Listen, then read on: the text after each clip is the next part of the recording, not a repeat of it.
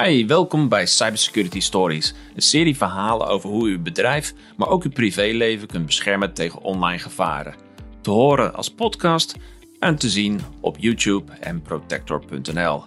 Ik ben Mark van Horik, ik ben medeoprichter van Protector en dat is een bedrijf gespecialiseerd in cybersecurity. In deze aflevering heb ik als gast Jan-Martijn Broekhoff van Guardian 360. We hebben als onderwerp informatiebeveiliging en met name dat informatiebeveiliging te belangrijk is om aan IT'ers alleen over te laten. Hallo iedereen, welkom bij een nieuwe aflevering van Protector Cybersecurity Stories. En dit keer hebben we als onderwerp informatiebeveiliging is te belangrijk om alleen aan IT over te laten. Ik ga dit onderwerp bespreken met uh, Jan-Martijn Broekhoff. Hij is de Managing Director van Guardian 360. Hij is ook de oprichter van Guardian 360. Um, Jan Martijn, kan je wat meer vertellen over jezelf en over Guardian 360? Ja, met alle plezier, Mark. Dankjewel voor je uitnodiging. En uh, leuk om uh, zo samen met jou deze vlog op te nemen, een videopodcast. Uh, ik ben Jan-Martijn Broekhoff. Ik ben directeur en oprichter van Guardian 360 inderdaad. Zes jaar geleden mee begonnen. Guardian 360 is bedacht tijdens mijn MBA-afstudeeronderzoek. En wat wij willen doen is de rechtvaardigheid op de digitale infrastructuur verhogen. Dat doen we door software te ontwikkelen, die onze partners in staat stelt om hun klanten wereldwijd beter te beveiligen. Nou, binnen het bedrijf ben ik eindverantwoordelijk. Gelukkig een goed team van uh, ontwikkelaars en uh, hele slimme engineers. Die elke dag bezig zijn om dat platform nog stabieler, schaalbaarder, veiliger en nou ja, meer functionaliteit te geven. Um, dagelijks leven dus uh, als product owner verantwoordelijk daar gaat veel van mijn tijd naartoe. En daarnaast ben ik ook veel bezig met strategische partners. Dus ik spreek veel met distributeurs en uh, onze handelspartners in Nederland, maar ook daarbuiten. Kortom, je bent volop bezig in het hele thema informatiebeveiliging. Nou, daarom is, ja, het leuk, ja, daarom is het ook leuk om over dit onderwerp met jou te spreken. Maar voordat we verder gaan en even wat dieper ingaan over informatiebeveiliging. Want informatiebeveiliging, is dat hetzelfde als wat je ook hoort IT-security of cybersecurity of infosec? Kun je wat nader toelichten van wat dan informatiebeveiliging dan inhoudt? Ja, als ik, uh, nou ja, om, om te vertellen hoe Guardian 360 naar kijkt. Wij zien informatiebeveiliging als een continu proces dat de beschikbaarheid, integriteit en vertrouwelijkheid van data en systemen die data verwerken moet uh, borgen. Nou, beschikbaarheid heeft te maken met, uh, zijn de data en systemen beschikbaar voor de mensen die ermee moeten werken? Integriteit gaat om, uh, is de data goed? Hè? Klopt het? Heeft daar niemand mee lopen prutsen, waardoor het niet meer valide data is? En de vertrouwelijkheid heeft ermee te maken dat alleen die personen de data en systemen kunnen gebruiken die dat ook daadwerkelijk mogen. Dus die drie elementen zijn belangrijk. En vanuit de Guardian 360 beluchten dat vanuit twee invalshoeken. De ene invalshoek is dat je in de juiste balans aandacht moet hebben voor mensen, processen en technologie. Dus technologie is slechts, nou ja, slechts een onderdeel. En het andere, de andere invalshoek is dat het heel nadrukkelijk koppelen aan risicobeheersing. Dus je moet nadenken over wat je kunt doen om zoveel mogelijk ellende te voorkomen. Je moet nadenken wat je kunt doen om te mitigeren als er ellende is. En je moet ook nadenken over uh, wat je kunt doen om te herstellen. Nou, die maatregelen en aandachtspunten en invalshoeken tezamen zorgt ervoor dat je je informatiebeveiliging op orde kunt krijgen. Wat mij uh, hier in ieder geval uh, duidelijk opvalt, is dat jij niet alleen maar over techniek praat of technologie.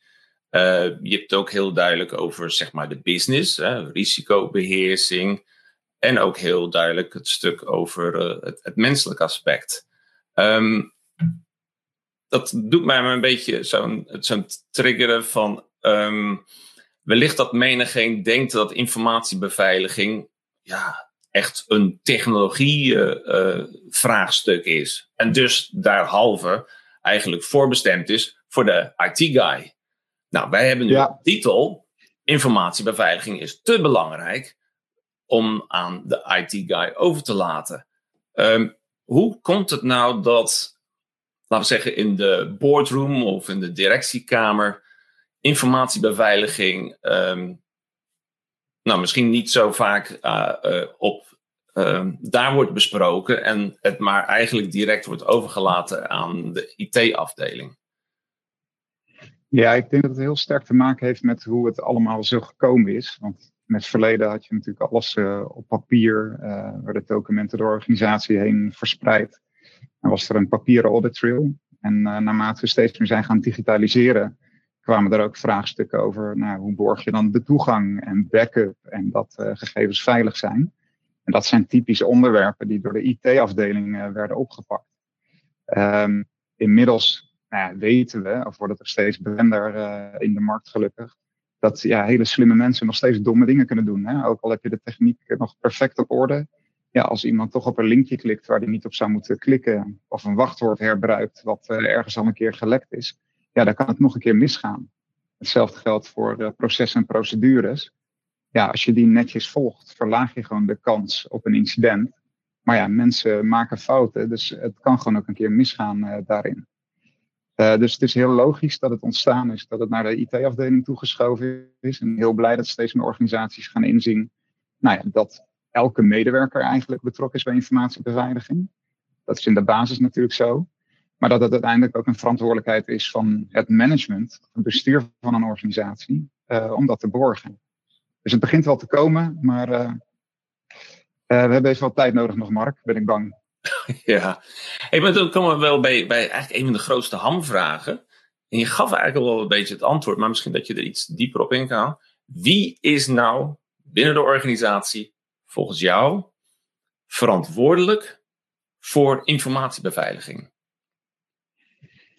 Ja, dat, dat antwoord is tweeledig. Kijk, in, in basis is iedereen ervoor verantwoordelijk. Want elk bedrijf is tegenwoordig gewoon een automatiseringsbedrijf geworden. We hebben allemaal te maken met informatiestromen die we de hele dag gebruiken om ons werk te doen. Uh, ook een administratiekantoor. Hè. Kun je zeggen, ja, wij voeren administraties, dus we zijn helemaal geen IT-bedrijf. Ja, dat klopt. Maar zonder goed werkende IT of zonder goed werkende informatievoorziening en zonder veilige uitwisseling van gegevens met uh, klanten bijvoorbeeld of de Belastingdienst, ja, ligt het bedrijf gewoon stil. Uh, maar in die end is een bestuurder of een managementteam is echt eindverantwoordelijk. Uh, en in sommige gevallen is die verantwoordelijkheid belegd bij een CISO. Hè, dus in het geval van als een organisatie ISO gecertificeerd is of uh, onder de NEN 517 gecertificeerd is. Maar het is echt een boardroom uh, onderwerp. Want uiteindelijk kan het ook um, nou ja, je onderscheiden van de competitie. Hè, dus je kunt er ook nog commercieel voordeel bij hebben. Maar ik verwacht ook dat binnen een aantal jaar dit gewoon permission to play wordt. Dus als je als bestuurder of managementteam niet kunt aantonen dat je hier aandacht voor hebt en je uiterste best doet om de data van klanten en medewerkers uh, te beschermen, ja, dat je dan gewoon orders gaat missen. Ja, ik denk dat dat een, eh, een heel goed punt is om. Ik vraag me dus wel eens af of bedrijven goed genoeg beseffen dat, eh, dat hoor ik vaak in marketingtermen, in marketingwereld, elke organisatie vanuit de marketing gezien is een mediabedrijf. He, dus ook al mhm. zit je in een verpakkingsindustrie of wat dan ook. Je moet de hele tijd content maken, je moet dat uit, uh, uitzenden, je moet op LinkedIn druk bezig. Dus kortom, je bent continu als het ware als een uitgever, als een mediabedrijf bezig. Dat is zeg maar vanuit de marketing en de saleskant. Maar elk bedrijf is dus in wezen eigenlijk ook gewoon een technologiebedrijf. Ook al ben je een, een fabrikant van verpakkingsmaterialen, ook al ben je een advocatenkantoor. In wezen, omdat je met digitale zaken te maken hebt, er is altijd een digitale variant van je organisatie. Is jouw gevoel dat men dat nog steeds te weinig beseft? Dat men ook een digitale organisatie zijn? Ja, dat, uh, het wordt wel beter gelukkig. Hè? Dus dat is ook echt wel goed nieuws. Uh, maar net zoals dat jij nu mooi beschrijft dat marketing geen afdeling meer is, maar meer een nou state of mind van elke medewerker binnen je bedrijf. Hè? Want via social media, via Instagram, LinkedIn, Twitter, Facebook, uh, allerlei kanalen bedrijf je eigenlijk ook marketing als uh, functionaris van een bedrijf. En kun je niet meer zeggen, nou we hebben een afdeling marketing die daarvoor verantwoordelijk is. Zo is dat bij informatiebeveiliging ook niet meer zo dus het werd in het verleden naar de IT-afdeling toegeschoven. Nou, dat wordt wel steeds meer onderkend dat het ook een uh, onderwerp is voor, uh, voor het hele bedrijf. Maar er is nog wel veel verbetering mogelijk. Ehm, en ik denk ook dat veel, nou, vooral veel MKB-ondernemers, ja, eigenlijk te makkelijk denken van mij gebeurt het niet. Of uh, het overkomt een ander. En um, ja, ik ben bang dat het eerst nog een stukje slechter moet gaan voordat het beter wordt, Mark. Dat denk ik wel. Nou, het is een beetje dat befaamde, eerst moet de kalf verdrinken in de put en dan gaan we dempen. Dat is een beetje dat, ja. uh, dat gedachte. Ja, ja. Nou ja, ik had laatst op LinkedIn ook een berichtje over geplaatst. Een soort van, nou ja, niet helemaal frustratie, maar wel hoe kan het nou zijn hè, dat wij een spreekwoord hebben. Als het kalf verdronken is, demp de put. Dus we weten allemaal dat een diepe put gevaarlijk is. En als er een kalf in de buurt loopt, dat dat uh, een linker situatie kan opleveren. Maar we gaan pas muurtjes bouwen op het moment dat zo'n kalf verdronken is. Uh, en dat merken we bij de informatie, of in de informatiebeveiliging ook. Uh, op het moment dat er een, een, ransomware incident is, of een organisatie kan een week niet werken, of nou, er wordt op een phishing link geklikt, of er is een factuur aangepast, nou, dan wordt er opeens budget vrijgemaakt voor informatiebeveiliging. Vaak is dat vele malen hoger dan nodig is voor preventie. Maar ergens zou je graag zien dat um, ja, bestuurders en managementteams al eerder uh, budget gaan vrijmaken. Nou, ik heb wel een heleboel interessante reacties gekregen op die vraag. Dat is wel uh, voor mij ook heel leerzaam. Er zitten een aantal elementen in. Ik heb begrepen dat wij mensen eigenlijk wel geneigd zijn om te gaan voor de korte termijn prikkel. Dus op het moment dat we horen dat we ergens in kunnen investeren, dan willen we eigenlijk ook op korte termijn daar de benefit van pakken. Of het moet op korte termijn wel echt duidelijk worden dat we daar plezier van hebben. En als je investeert in informatiebeveiliging, heb je die prikkel niet. Hè? Want je, je hebt eigenlijk, je betaalt om een prikkel te voorkomen. Dus de, prikkel dat je een incident hebt. Dus dat is een ding wat meespeelt. Uh, ander psychologisch uh, aspect is dat we uh, geneigd zijn om te denken dat als het bij een ander misgaat, dat ze zeggen, ja, die prutsers die hadden het niet op orde. Maar ja, mij overkomt het niet, want wij hebben dat wel op orde. Dus we zijn ook geneigd om onszelf te overschatten en mensen bij wie het misgaat uh, te onderschatten. En het derde wat ik eruit gepikt heb, is dat um, heel lang zijn aanvallen op bedrijven heel gericht geweest. Dus criminelen deden hun best om bij een ASML binnen te komen of bij een ander bedrijf ja, waar heel veel interessant intellectueel eigendom was of waar betaalbadges aangepast konden worden. Nou, en we zien dat echt in de laatste half jaar zien we enorm veranderen. Uh, een gemiddeld MKB-bedrijf heeft nu ook net zoveel kans om last te krijgen van een cybercrimineel. Bijvoorbeeld doordat er ransomware in zijn netwerk zit. En we merken dus ook dat steeds meer bedrijven gewoon uh, ja, schade ondervinden daardoor. Ja, ik had laatst ook een, eh, een, een verhaaltje gedeeld. Dat overigens niet zozeer origineel van mij kwam. Maar alle credits gaat naar Gabriel Friedlander van Wiser. Maar daar was een, een, een persoon en die was in een scam getrapt en dat had hem een miljoen dollar gekost. Dat was, uh, en ik heb uitgelegd hoe, dat, hoe die scam dan in elkaar zat. Maar in dit verhaal is het even van belang. Het was de e-mailbox van de leverancier die gehackt was.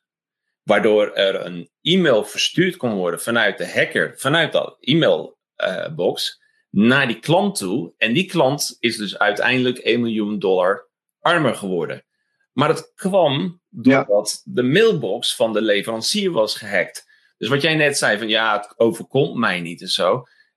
De wereld is zo met elkaar verbonden dat als er iets met jou gebeurt, het, het kan dat een groot effect hebben op iemand anders waar je mee samenwerkt. En of dat nou een leverancier is of een klant of een medewerker of medewerkster.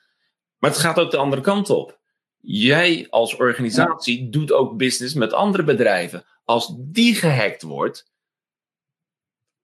dan kan het ook zo zijn dat jij slachtoffer wordt. En het gaat ook niet altijd om van wat jij als waarde hebt.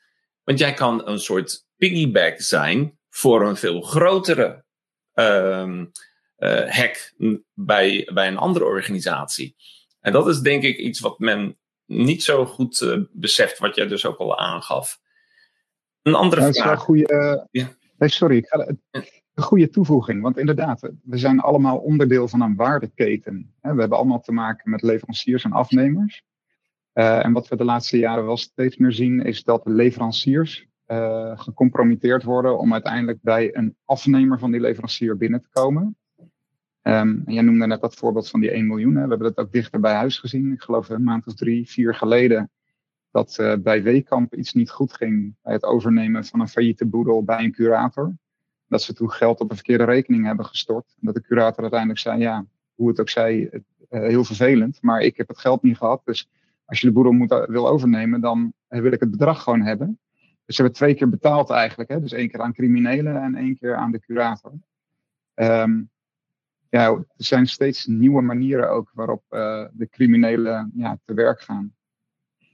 Maar je wilde wat anders vragen, sorry maar. Ja, ja nee, nee, nee, dat, maakt, dat maakt niet uit. Nee, um, ik vraag me dus af, hè, we geven hier nu iedere keer weer voorbeelden. En dat hebben we al een paar keer in, uh, in, in onze videopodcast met anderen ook over gehad. Er zijn genoeg voorbeelden waar het dan fout kan gaan. En toch zien we dat, uh, dat het, ja, laten we zeggen, niet zo, niet zo leeft. Of niet zo leeft zoals het zou moeten leven, gezien de, de, de consequenties. Want iedere keer zeggen we, voorkomen is beter dan genezen. Want het hele voorkomen stuk, de investering die je daar doet, is een fractie van wat je aan schade leidt. Uh, of als het te maken heeft met ransomware, uh, heb je nog het losgeld dat je moet betalen, waar je overigens ook geen garantie voor krijgt. Je krijgt ook geen bonnetje van dat je mhm. hebt betaald en dergelijke. Um, maar komt dat omdat wij, zoals je zegt, um, er is niet een directe prikkel, een positieve stimulans. Dat is wat anders als je met sales, marketing en innovatieve productontwikkeling bent. Daar is iets leuks in het vooruitzicht. En wij als branche uh, met cybersecurity of informatiebeveiliging, we hebben eigenlijk het altijd over ellende, negatieve dingen. Um, zaken wat je als ondernemer eigenlijk niet wil horen. Oh god, daar hebben ze weer. Ja, ik weet wel dat ik iets daaraan moet doen, maar mentaal blokkeer ik het of zet ik het even opzij, want dit is veel leuker om aan te werken en aan je groeiplannen.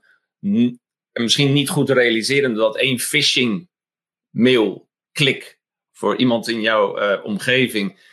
Die eruit, die, waardoor je hele uh, groeiplannen en, en innovatietraject gelijk tot stilstand komt, omdat alles mm. stilstaat. Of het budget dat je ervoor had gereserveerd nu aan een crimineel moet betalen in bitcoins. Zijn we te negatief voor? Uh, kunnen, we, kunnen we überhaupt dit hele verhaal een positievere draai geven? Ja, jongen, Mark. er gaat van alles uh, door mijn hoofd. Um, ik denk inderdaad dat we als uh, informatiebeveiligingsbranche of internationale industrie hebben het ook grotendeels aan onszelf te danken dat mensen niet heel positief naar informatiebeveiliging kijken. Want in onze branche is het heel lang zo geweest dat we vooral mensen heel bang hebben gemaakt. Met uh, zoveel ransomware, zoveel hacks. Oh nee, als je AVG niet op orde hebt, dan krijg je zo'n hoge boete. Um, dus we hebben er zelf ook aan bijgedragen aan die negatieve, nou ja, ne negatieve gevoel wat er uh, aan kleeft. Um, en wat je ook wel ziet is dat een aantal mensen zoiets hebben gekregen van ja, weet je, als, als het dan toch niet uitmaakt, hè, als het dan toch altijd misgaat en ik toch altijd veel schade heb, ja, waarom zou ik dan überhaupt gaan investeren om kort te zijn? Hè? Want kennelijk maakt het toch niet uit. Nou, ik denk dat we daar als uh, branche een uh, negatieve invloed op hebben gehad ik denk als je het wat breder trekt naar IT, dat ook systemen gewoon te moeilijk zijn. Het is voor gebruikers ja, gewoon niet makkelijk genoeg om op een veilige manier systemen te gebruiken. Dus wij vragen hele moeilijke wachtwoorden en die moeten uniek zijn. En dan veranderen we ook nog eh, elke drie tot vijf jaar de, de policies die daarbij horen. Nou, daar zijn we gelukkig ook een beetje van teruggekomen. En nou password managers zijn geïntroduceerd en two-factor authentication. Dus uh, dat je nou altijd een tweede device nodig hebt om in te kunnen loggen. Dat is ook allemaal toegankelijker geworden. En wat ik ook wel uh, vaak ja, de vergelijking trek met de antivirusindustrie. Um, we hadden al in de jaren 80 virussen en toen wisten bedrijven ook, daar kun je last van hebben en dat is vervelend. Maar eigenlijk zijn er pas, ja, uh, is een grote door, doorbraak gekomen in antiviruspakketten toen het I Love You virus doorbrak en er geloof ik een miljoen PC's wereldwijd uh, last van hadden. En toen zijn mensen pas antiviruspakketten gaan kopen en inmiddels is dat gewoon gemeengoed. En ja, die, uh, die route of die reis moeten we kennelijk nog maken met elkaar. En um, Wat ik ook wel belangrijk vind, is wat we zien binnen het MKB, is dat heel veel MKB'ers denken, ik heb mijn IT uitbesteed. Dus die IT-partij is ook verantwoordelijk voor de informatiebeveiliging. Uh, en daardoor wordt het niet gevoeld als een verantwoordelijkheid van de directie of van het managementteam. Terwijl het wel natuurlijk gewoon, ja, gewoon werk is wat erbij hoort. Dus het is een veelkoppig monster, uh, Mark, wat we niet uh, met z'n tweeën zo even gaan oplossen. Nee, nee maar, maar, het gaat wel beter worden. Ja, we maken het in ieder geval bespreekbaar. En daarvoor hebben we ook zeg maar, de, de, de, de videopodcast. En de mensen die hier naar luisteren en naar kijken, ja, die willen daar toch iets meer over weten. Um, ja, ik, het gaat inderdaad altijd over uh, uh, de, de ellende die je kan uh, overkomen. Goed, dat is ook wel een beetje inherent aan de mens. Want als er iets negatiefs is of wat dan ook, of iets, iets iets fouts, dan, dan gaat toch wel enigszins. Uh, komt de boodschap wel in ieder geval over. Of ze daar iets mee doen. Dus een tweede. Als we de boel positief omdraaien. En ik heb het ook al eens een keer eerder over gehad in een eerdere aflevering met, uh, met videopodcasts van ons. Um, kunnen we nu niet het feit dat we de, onze boel digitaal veilig op orde hebben, kunnen we dat niet als een onderscheidend vermogen gaan presenteren. Dat het juist veiliger is om met iemand zaken te doen die zijn zaakjes op orde heeft, dan iemand die zegt: Ja, ja, ik, ik weet het eigenlijk niet. Geen idee of niet zo over nagedacht. Zeker als je weet dat iedereen met elkaar verbonden is. Als je zaken doet met een partij die de boel niet goed op orde heeft, loop je dus veel grotere kans dat jij als organisatie daar last van gaat krijgen. Hè, weer dat voorbeeld uh, wat je dus zei van met uh, Weekamp en ik met die 1 miljoen dollar uh, verhaal. Maar als je het zegt van ja, maar ik heb het juist wel goed gedaan. En dat zou dan de keuze, hè, ik heb keuze tussen twee leveranciers waar ik zaken mee kan doen. En één heeft het wel goed op orde. Zou dat niet meer een reden zijn om juist met die partij in, zee te gaan? Als we daar een beetje meer de nadruk op zouden leggen. Hoe, hoe, sta je daar tegenover? Ja, dat zie ik uh, gelukkig wel ontstaan. Ik, ik, moet trouwens nog even nadenken over die bangmakerij.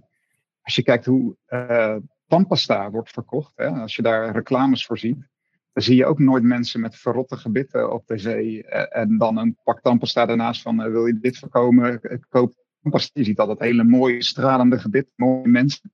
Nou, in informatiebeveiliging wil je dat natuurlijk ook. Mooie, stralende bedrijven die de boel goed op orde hebben. En dat ze daar een aantal maatregelen voor getroffen hebben. Nou ja, oké, dat zij dan zo. Um, en dan nu even ingaan op de vraag. Uh, we zien gelukkig wel dat uh, informatiebeveiliging in, in tenders, in aanbestedingen, in pakketselecties wel steeds belangrijker wordt. Dus leveranciers worden wel steeds vaker door hun klanten bevraagd van, nou, vertel eens, hoe heb je het op orde en hoe toon je dat aan? Uh, hoe leef je dat dan na? Hè? En, je kunt wel een verwerkersovereenkomst op papier zetten, maar laten zien hoe, hoe werkt dat dan in de praktijk. Um, en als we kijken naar onze partners, Guardian 360 die levert heel veel diensten via managed services partijen, hostingpartijen, organisatieadviesbureaus. Ja, die gebruiken Guardian 360 diensten om wel aan hun klanten te laten zien van joh, ja, informatiebeveiliging is voor ons geen optie. Het zit er gewoon standaard in, want wij vinden dat super belangrijk. En misschien betalen ze daardoor uh, een klant een, eh, een, euro of twee euro per maand meer. Nou ja, so be it. Maar ze kunnen wel laten zien dat ja, informatiebeveiliging heel belangrijk is. En dat ze ook echt hun best doen om die data van hun klanten zo goed mogelijk te behandelen. En in alle eerlijkheid vind ik het ook een verantwoordelijkheid naar je eigen medewerkers toe. ook daar bewaar je allemaal persoonsgegevens van. allerlei nou ja, vertrouwelijke data. Dus daar zou je het eigenlijk op zijn minst ook uh, voor op orde willen hebben. Als je een, nou, vanuit goed werkgeverschap het goed geregeld wil hebben. Ja, ik denk ook, uh, en dat is natuurlijk wel de verdienste van Guardian 360, die maakt eigenlijk het onzichtbare zichtbaar. en, ehm, en dat is denk ik ook een, een punt. Sorry, dat kan gebeuren, telkens. Dat um, door je het zichtbaar maakt, kan je het ook bespreekbaar maken. Dus wat je eigenlijk net zei van uh, het is niet een directe prikkel dat je ziet, maar als je aan de andere kant zaken uh, bij wijze van spreken als het ware een soort rapportcijfer of in ieder geval een inzicht geeft van dat je het steeds beter wordt of dat je steeds veiliger wordt, dan gaat dat denk ik ook wat meer leven. Kijk, dat, als ik ja. gelijk in de, in de boardroom Ehm, en je praat over marketing en je praat over sales of over finance, dan heb je bij wijze van spreken allemaal dashboards van. Je, je ziet precies hoe het staat. En dan zie je de, de, curve of de, de, de grafiek omhoog gaan en al dat soort zaken. Uh, maar zoiets zie je heel vaak niet over informatiebeveiliging. En dus blijft het nee, een beetje ver van mijn bedshow. En zeker als we dat dan weer hebben uitbesteed aan een, aan een IT-partner, waar dat dan niet. Uh, uh, uh, zeg maar zo zichtbaar is. Um, ik denk dat juist door het meer zichtbaarder te maken, dat het dan ook veel meer gaat leven. En dus heb je wel die positieve stimulans dat je ziet van, oh, het was niet zo goed eerst, maar nu gaan we het steeds beter doen. Is dat ook een beetje de kracht van, uh, van Guardian 360, dat het zo zichtbaar maakt? Ja, dat absoluut. Dat is ook wel wat we terugkrijgen van onze partners. Kijk, um, in de basis maken we inderdaad het onzichtbare zichtbaar. Uh, dus wij laten zien dat er mogelijk een zwakke plek zit in je beveiliging, een poort open staat die dicht zou moeten zitten.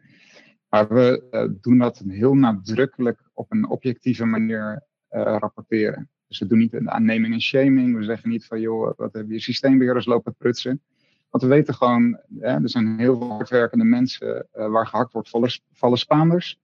Soms uh, is er opeens een, uh, een lek. Hè. Denk aan Exchange een week of twee, drie geleden. Dat is dan opeens lek. Ja, dat, dat kun je eigenlijk je eigen beheerders niet eens kwaad nemen. Eén wat wij heel graag doen, is een objectief dashboard laten zien hoeveel bevindingen er zijn. En hoe wij het risiconiveau inschatten vanuit een technisch perspectief. Maar uiteindelijk is het aan het bedrijf om te bepalen, en samen met hulp van uh, onze partners, wat nou het businessrisico is wat daaraan gekoppeld is. Want het is helemaal niet nodig om alle tellers op nul te krijgen, om alle machines uh, nou ja, uh, te patchen, te updaten. Uh, misschien is dat niet het beste voorbeeld, overigens. Um, maar uh, het kan best misschien een maand of twee maanden wachten voordat je dat doet, omdat iets anders belangrijker is. En we weten ook gewoon dat organisaties niet 100% tijd hebben alleen maar om met informatiebeveiliging bezig te zijn. In een ideale wereld zou dat fantastisch zijn. Maar we weten gewoon dat heel veel bedrijven uh, informatiebeveiliging er nu bij doen en nou, dat steeds meer aandacht geven. En wij willen ze vooral helpen om de juiste afwegingen te maken, gebaseerd op het businessrisico, wat een, een managementteam ziet. En dit is Heel een antwoord, Mark. Ja, ja. Ja, ja, zeker wel. Het doet me denken weer aan die befaamde Pareto-regel, de 20-80-regel. Um, er is uh, een, een deel dat uh, het meeste oplevert. En jullie brengen klaarblijkelijk uh, uh, dat deel wat echt van belang is, dat breng je dan in kaart. En daar zou je dus op moeten focussen. En de rest, ja, dat, dat kan je dus minder de focus op leggen. Maar als je zeker op de belangrijkste aspecten, waar de belangrijkste risico's zitten, als je daarop focust, ja, dan haal je ook gewoon het, het, het meeste voordeel eruit. Ja, absoluut. Als je kijkt naar je bedrijfscontinuïteit, Hè, dus, dus ja, ja, met je accountant hè, als ondernemer heb je als het goed is elk jaar een gesprek over wat uh, bedreigt jouw bedrijfscontinuïteit. Hè? En tegenwoordig gaat het niet alleen meer over liquiditeit en cijfertjes, maar ook steeds meer over digitale aspecten. Als eh, MT eh, moet je gewoon heel goed in de gaten hebben welke systemen, welke informatiestromen, welke mensen essentieel zijn in dat primaire proces om je bedrijfscontinuïteit te borgen nou ja, daar bieden wij inzicht inderdaad. En wat het mooie is, wij zien bij heel veel klanten dat heel veel maatregelen hebben ze al gekocht. Dus het is niet zo dat je dan ook altijd maar hoeft door te investeren. Maar soms is het een kwestie van inderdaad sneller patches of updates draaien. Of om een wachtwoord te resetten, of een account te blokkeren, of een firewall te updaten. Informatiebeveiliging hoeft niet altijd gelijk veel meer geld te kosten. Dus dat is ook wel een hele belangrijke. Je kunt echt een aantal hele simpele, goedkope, soms gratis dingen doen. Om het gelijk al een heel stuk beter te doen dan gisteren. Dat vind ik ook wel belangrijk, dat mensen dat weten. Dat ze niet denken, ja, als ik meer met informatiebeveiliging ga doen, dan gaat de rekening alleen maar oplopen. Dat hoeft echt niet zo te zijn. Nee, informatiebeveiliging kan, is, kan gewoon ook wel heel betaalbaar zijn. Ik denk dat het gewoon meer niet weten hoe, hoe dat in elkaar zit. En wat ik ook gewoon heel sterk vind met, uh, met Guardian 360 is, is dat jullie ook gewoon suggesties geven. Want heel vaak, eh, als je niet, als je niet helemaal bekend bent hoe dat allemaal in elkaar steekt. En, de, en, de, en er staat alleen, ja, het is niet goed, dus je moet er wat aan doen. Ja, ja, wat moet ik dan precies doen? Maar als je suggesties, een hele uh, uh, goed uitvoerbare en ook betaalbare suggesties geeft, dan is het ook makkelijker om het dan ook daadwerkelijk uit te voeren. En dus daardoor je informatiebeveiliging uh, steeds beter op orde te hebben. Um, ja. Ik wilde eigenlijk een beetje, uh, want volgens mij kunnen wij echt hier wel, uh, wel uren over doorpraten.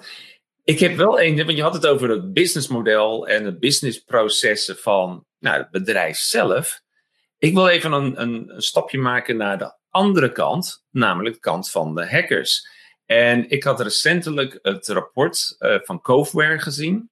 Coveware is een organisatie die gespecialiseerd is in het oplossen van ransomware aanvallen, maar met name ook de, de, de, het effect nadat je gehackt bent en last hebt van ransomware. En zij houden elk kwartaal bij hoe de ontwikkeling is van ransomwares. Wat is het gemiddelde bedrag dat uh, gevraagd en betaald is, et cetera. En keer op keer zie je dus eigenlijk dat die grafiek eigenlijk steeds omhoog gaat. Iedere kwartaal is het erger dan het kwartaal ervoor. Behalve het vierde kwartaal van 2020. Dan was ineens een grote dip. en wat was hun verklaring? Bedrijven zijn steeds minder geneigd om te gaan betalen. En dat is nou net het businessmodel van die hackers. Omdat er steeds gewoon betaald wordt. Want losgeld betalen is nog altijd minder dan de totale schade wat je uh, hebt als je, um, nou, je niet met je spullen, hè, dus je moet een heleboel gaan herstellen, de downtime uh, verhaal. Uh, maar nu gaan er steeds meer bedrijven zeggen, ja, maar nu is genoeg. Nou, nou, nou we betalen niet. Ook al is de schadepost groot, we betalen niet. En ik denk, daarmee ondermijn je het businessmodel van de hacker. En dat zou dan al een goed teken zijn, want als dat businessmodel ondermijnd is, ja, waarom zouden ze het dan doen? Dan, zij zoeken dan wel andere manieren om geld te verdienen. Ja. Hoe, hoe, nou ja, jij dat hoe, hoe, hoe kunnen wij nou nog beter, of op andere manieren, het businessmodel van cybercriminelen ondermijnen? Ja, nou ja, kijk, uiteindelijk, uh, als een crimineel, hè, dus geen hacker, maar een crimineel uh, geen geld krijgt voor zijn uh, acties, ja, dan, dan zal hij inderdaad stoppen met uh, het uitvoeren van dit soort ransomware aanvallen. Ik moet wel eerlijk zeggen dat uh, als ik zo beluister welke conclusies zij trekken, dat ik eigenlijk een hele andere conclusie trek die hier uh, diametraal tegenover staat. Wij zien juist de afgelopen half jaar dat steeds meer MKB-bedrijven last hebben van ransomware. Uh, en we zien ook dat heel veel MKB-ondernemers geneigd zijn om te betalen om hun bestanden weer terug te krijgen. Juist omdat zij niet de middelen hebben en de voorzieningen hebben getroffen om sneller online te zijn. En als ze dan de keuze hebben tussen het uh, betalen van uh, vier bitcoins, hè, dus ik weet niet wat de koers vandaag is, maar dat ligt dan ergens rond uh, 150, 200.000 euro. Of ze moeten een hele netwerk opnieuw opbouwen, al hun data opnieuw opbouwen. En dat kost uh, minimaal drie maanden. En dus aan de downtime. Ja, dat kost in veel gevallen vele malen meer dan die bitcoins betalen. Dus dat het bedrag in ransom naar, naar beneden gaat, dat geloof ik. Want er worden gewoon steeds meer kleine organisaties uh, die worden slachtoffer, die gewoon minder geld hebben om te betalen. Maar ik geloof niet dat je daar een positieve conclusie uit kunt trekken op dit moment. Dus dat strookt in ieder geval niet met de informatie die uh, ik krijg. Um, uiteindelijk is het natuurlijk wel zo, hè, dus als je niet betaalt, dan, dan is de financiële prikkel voor die criminelen is weg. Maar je moet dus nu al nadenken als ondernemer van hoe ga ik nou voorkomen dat ik in een situatie kom dat ik die afweging moet maken Ga ik betalen of ga ik mijn netwerk opnieuw opbouwen? En daar moet je dus al nu dus nagedacht hebben over mitigatie en herstel. Dus op het moment dat er een incident is, hoe ga je dan dat incident uh, uh, verwerken? Dus mitigeren zodat de schade zo laag mogelijk is. maak je het de aanval zo moeilijk mogelijk. En vervolgens, als je ze hebt afgeslagen, ze zijn uit je netwerk, hoe zorg je ervoor dat je dan weer gaat herstellen? Nou, en we zien in de praktijk dat heel veel, nou, laat ik zeggen, MKB-ondernemers, dat is toch in Nederland veruit de grootste groep, hè, uh, pas gaan nadenken over van hoe ga ik herstellen op het moment dat het al te laat is. En dan blijken er geen backups te zijn en geen reservemachines. En nou ja, dan wordt het steeds aantrekkelijker om te betalen. Ja, dus wederom, voorkomen is beter genezen. Of, want 100% beveiliging bestaat niet. Ik geloof nee. dat niemand dat heeft gezegd, waar ik, die ik geïnterviewd heb, van oh nee, dat, eh, dat kunnen we uh, realiseren. Dat, dat is niet zo. Maar je moet wel een plan B hebben. Dat als er iets gebeurt, dat je dan niet zo zegt van, oh, wat is er nu gebeurd? Wat gaan we nu doen? Want dan ben je te laat. Dus wat nou als er morgen iemand binnen je bedrijf op een phishing uh, mail link klikt, waardoor er nou ja, een cyberattack of cyberaanval plaatsvindt op jouw organisatie. En dat heeft als effect dat je niet meer business as usual kan doen. dus dat letterlijk de, de, de, spaak in het wiel uh, wordt gezet. En, en vergelijk maar een beetje ook gewoon met, met de hele corona-epidemie. Alles wat berichten wat in januari uh, eh, 2020, februari 2020 of, of in 2019, iedereen had allerlei plannen. En in maart, hoppa, was dus die stok in de wiel en, en de hele wereld veranderde. Nou, dat is natuurlijk in de, de, de, de real world uh, het virusverhaal. Uh, maar in, in wezen, als iemand op dat linkje klikt, verandert jouw wereld dus ook. En wat jij dus net aangaf, van, daar moet je over nagedacht hebben. Wat moeten bedrijven dan doen als die daar nog niet over hebben nagedacht? En zeggen, oh, ik ga dat vanaf nu wel doen. Wat zou jouw tip of advies zijn voor die organisaties om dat plan B-verhaal op te pakken? Ja, ik, het is een onderdeel van de risico-inventarisatie die je sowieso al maakt als het goed is hè, als ondernemer. Dus je denkt na over hoe voorkom ik brand in mijn pand zoveel mogelijk. Hè? Dus je hebt brandblussers en rookmelders en uh, je, je, vertelt je mensen dat het niet handig is om brandende peuken in de prullenbak te gooien. Je weet ook dat als er eh, brand ontstaat, dat het heel snel gemeld kan worden en dat de brandweer dan komt. Je hebt je ook verzekerd tegen de schade als gevolg van een brand. En je hebt misschien ook nagedacht over in welk kantoor je gaat werken op het moment dat, die, eh, dat, je, dat je huidige kantoor afgebrand is. Nou, op die manier moet je ook gaan nadenken over informatiebeveiliging of informatiestromen in je bedrijf. Dus wat zijn nou de kritische processen in je organisatie die ervoor zorgen dat je organisatie überhaupt bestaansrecht heeft? En welke risico's kleven daaraan? En er zijn IT-risico's. Dan denk je aan uh, servers, uh, software, bepaalde systemen die beschikbaar moeten zijn. Maar het heeft ook te maken met bepaalde mensen die bepaalde rechten hebben om die systemen te gebruiken. Um, bepaalde certificeringen, maar ook uh, in- en uitdienstprocedures. En daar moet je over nadenken. Hebben mensen niet te veel rechten? Um, dus, dus, het korte antwoord op je vraag is: maak het gewoon een vast onderdeel van de risico-inventarisatie, die je als het goed is toch al jaarlijks doet. En neem het gewoon mee als gewoon werk. Informatiebeveiliging is geen special meer. Het is echt gewoon onderdeel van je bedrijfsvoering. Um, dus ja, behandel het ook als dusdanig. Nou, ik denk dat dat een heel goed advies is en een mooie afsluiting van deze uh, videopodcast aflevering. Um, ja, maak informatiebeveiliging een echt onderdeel van je totale businessproces. Uh, en, en behandel het ook als een volwaardig onderdeel van je organisatie. Ik denk dat dat een hele goede tip is. Uh, als mensen die dit aan het luisteren zijn en zo. En, en ze zeggen, oh wacht even, ik wil hier wel wat meer over weten. Jan Martijn, hoe kunnen ze het beste in contact komen met je? Of meer over Guardian 360 willen weten? Uh, ik ben sowieso via LinkedIn natuurlijk uh, bereikbaar. Ik ben ook nog via Twitter goed bereikbaar. Uh, en Guardian360.nl is de, de website waar je meer informatie over Guardian360 vindt. Maar ook al onze partners genoemd worden. Dus als je op zoek bent naar een IT-partij die je verder kan helpen. Of een andere dienstverlener, dan vind je die eenvoudig op onze website. En via jou kan ook Mark. Ja. Dus ja, allerlei kanalen waar, uh, waarop ik te bereiken ben. En voel je vrij. Um, ik deel ook graag kennis. daar zit niet gelijk een factuur bij. Dus wil je gewoon eens een keer wat bespreken of ergens over discussiëren. En we hebben elke vrijdag tegenwoordig de cyberborrel op Clubhouse. Kun je nog oh. vragen stellen over de, de privacy aspecten van Clubhouse? Die behandelen we dan ook elke vrijdag. maar om half vier, elke vrijdagmiddag, host ik een room samen met Kenneth en met Dave.